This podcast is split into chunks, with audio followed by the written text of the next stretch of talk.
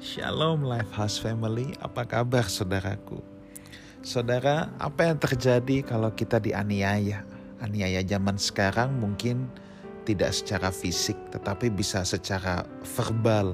Ketika kita dikata-katain, ketika kita diomongin yang enggak-enggak, atau juga bisa juga aniaya melalui kelakuan, melalui attitude, ketika kita diperlakukan tidak adil dan lain sebagainya itu semua bisa merupakan penganiayaan untuk hidup kita saudara ya. Memang kalau zaman dulu aniaya itu fisik, digebukin dan lain sebagainya. Tetapi zaman sekarang mungkin praktek-praktek itu sudah lebih sedikit saudara. Apalagi kita yang tinggal di perkotaan besar. Nah, tetapi Roma 12 ayat yang ke-14 di sini Paulus menuliskan kepada orang Kristen di kota Roma yang saat itu tentunya orang Kristen di kota Roma itu menghadapi aniaya fisik saudara ya. Mereka ditangkap-tangkapin, mereka diadu dengan binatang buas dan lain sebagainya.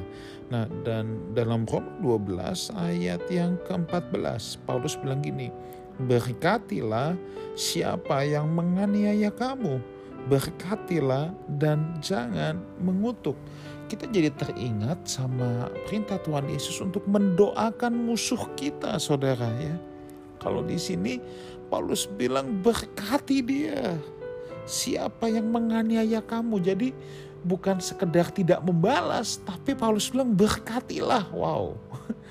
Ini tentunya bukan hal yang mudah, saudara. Terus tekankan lagi berkatilah dan jangan mengutuk.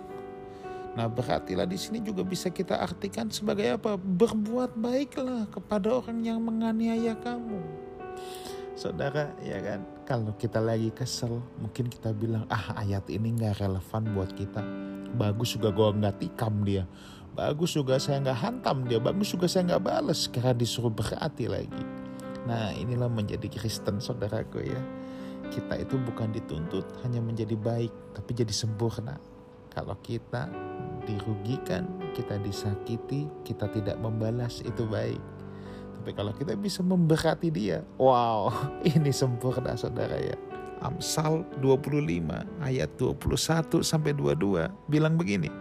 Jikalau seterumu lapar, berilah dia makan roti. Dan jikalau ia dahaga, berilah dia minum air. Karena engkau akan menimbun bara api di atas kepalanya, dan Tuhan akan membalas itu kepadamu.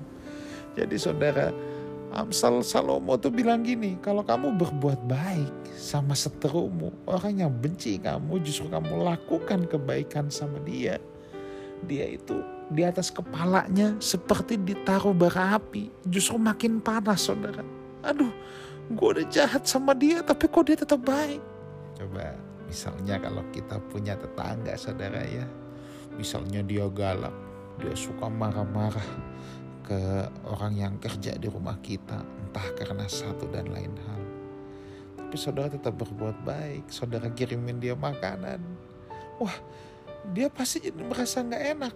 Nah itulah yang dikatakan Amsal bahwa kamu sedang menaruh bara api di atas kepalanya. Apa yang penting di sini saudara? Menjadi Kristen, kita diajar untuk memberkati semua orang. Kita bukan hanya memberkati orang yang baik sama kita, tapi kita juga diajar untuk memberkati orang yang membenci kita.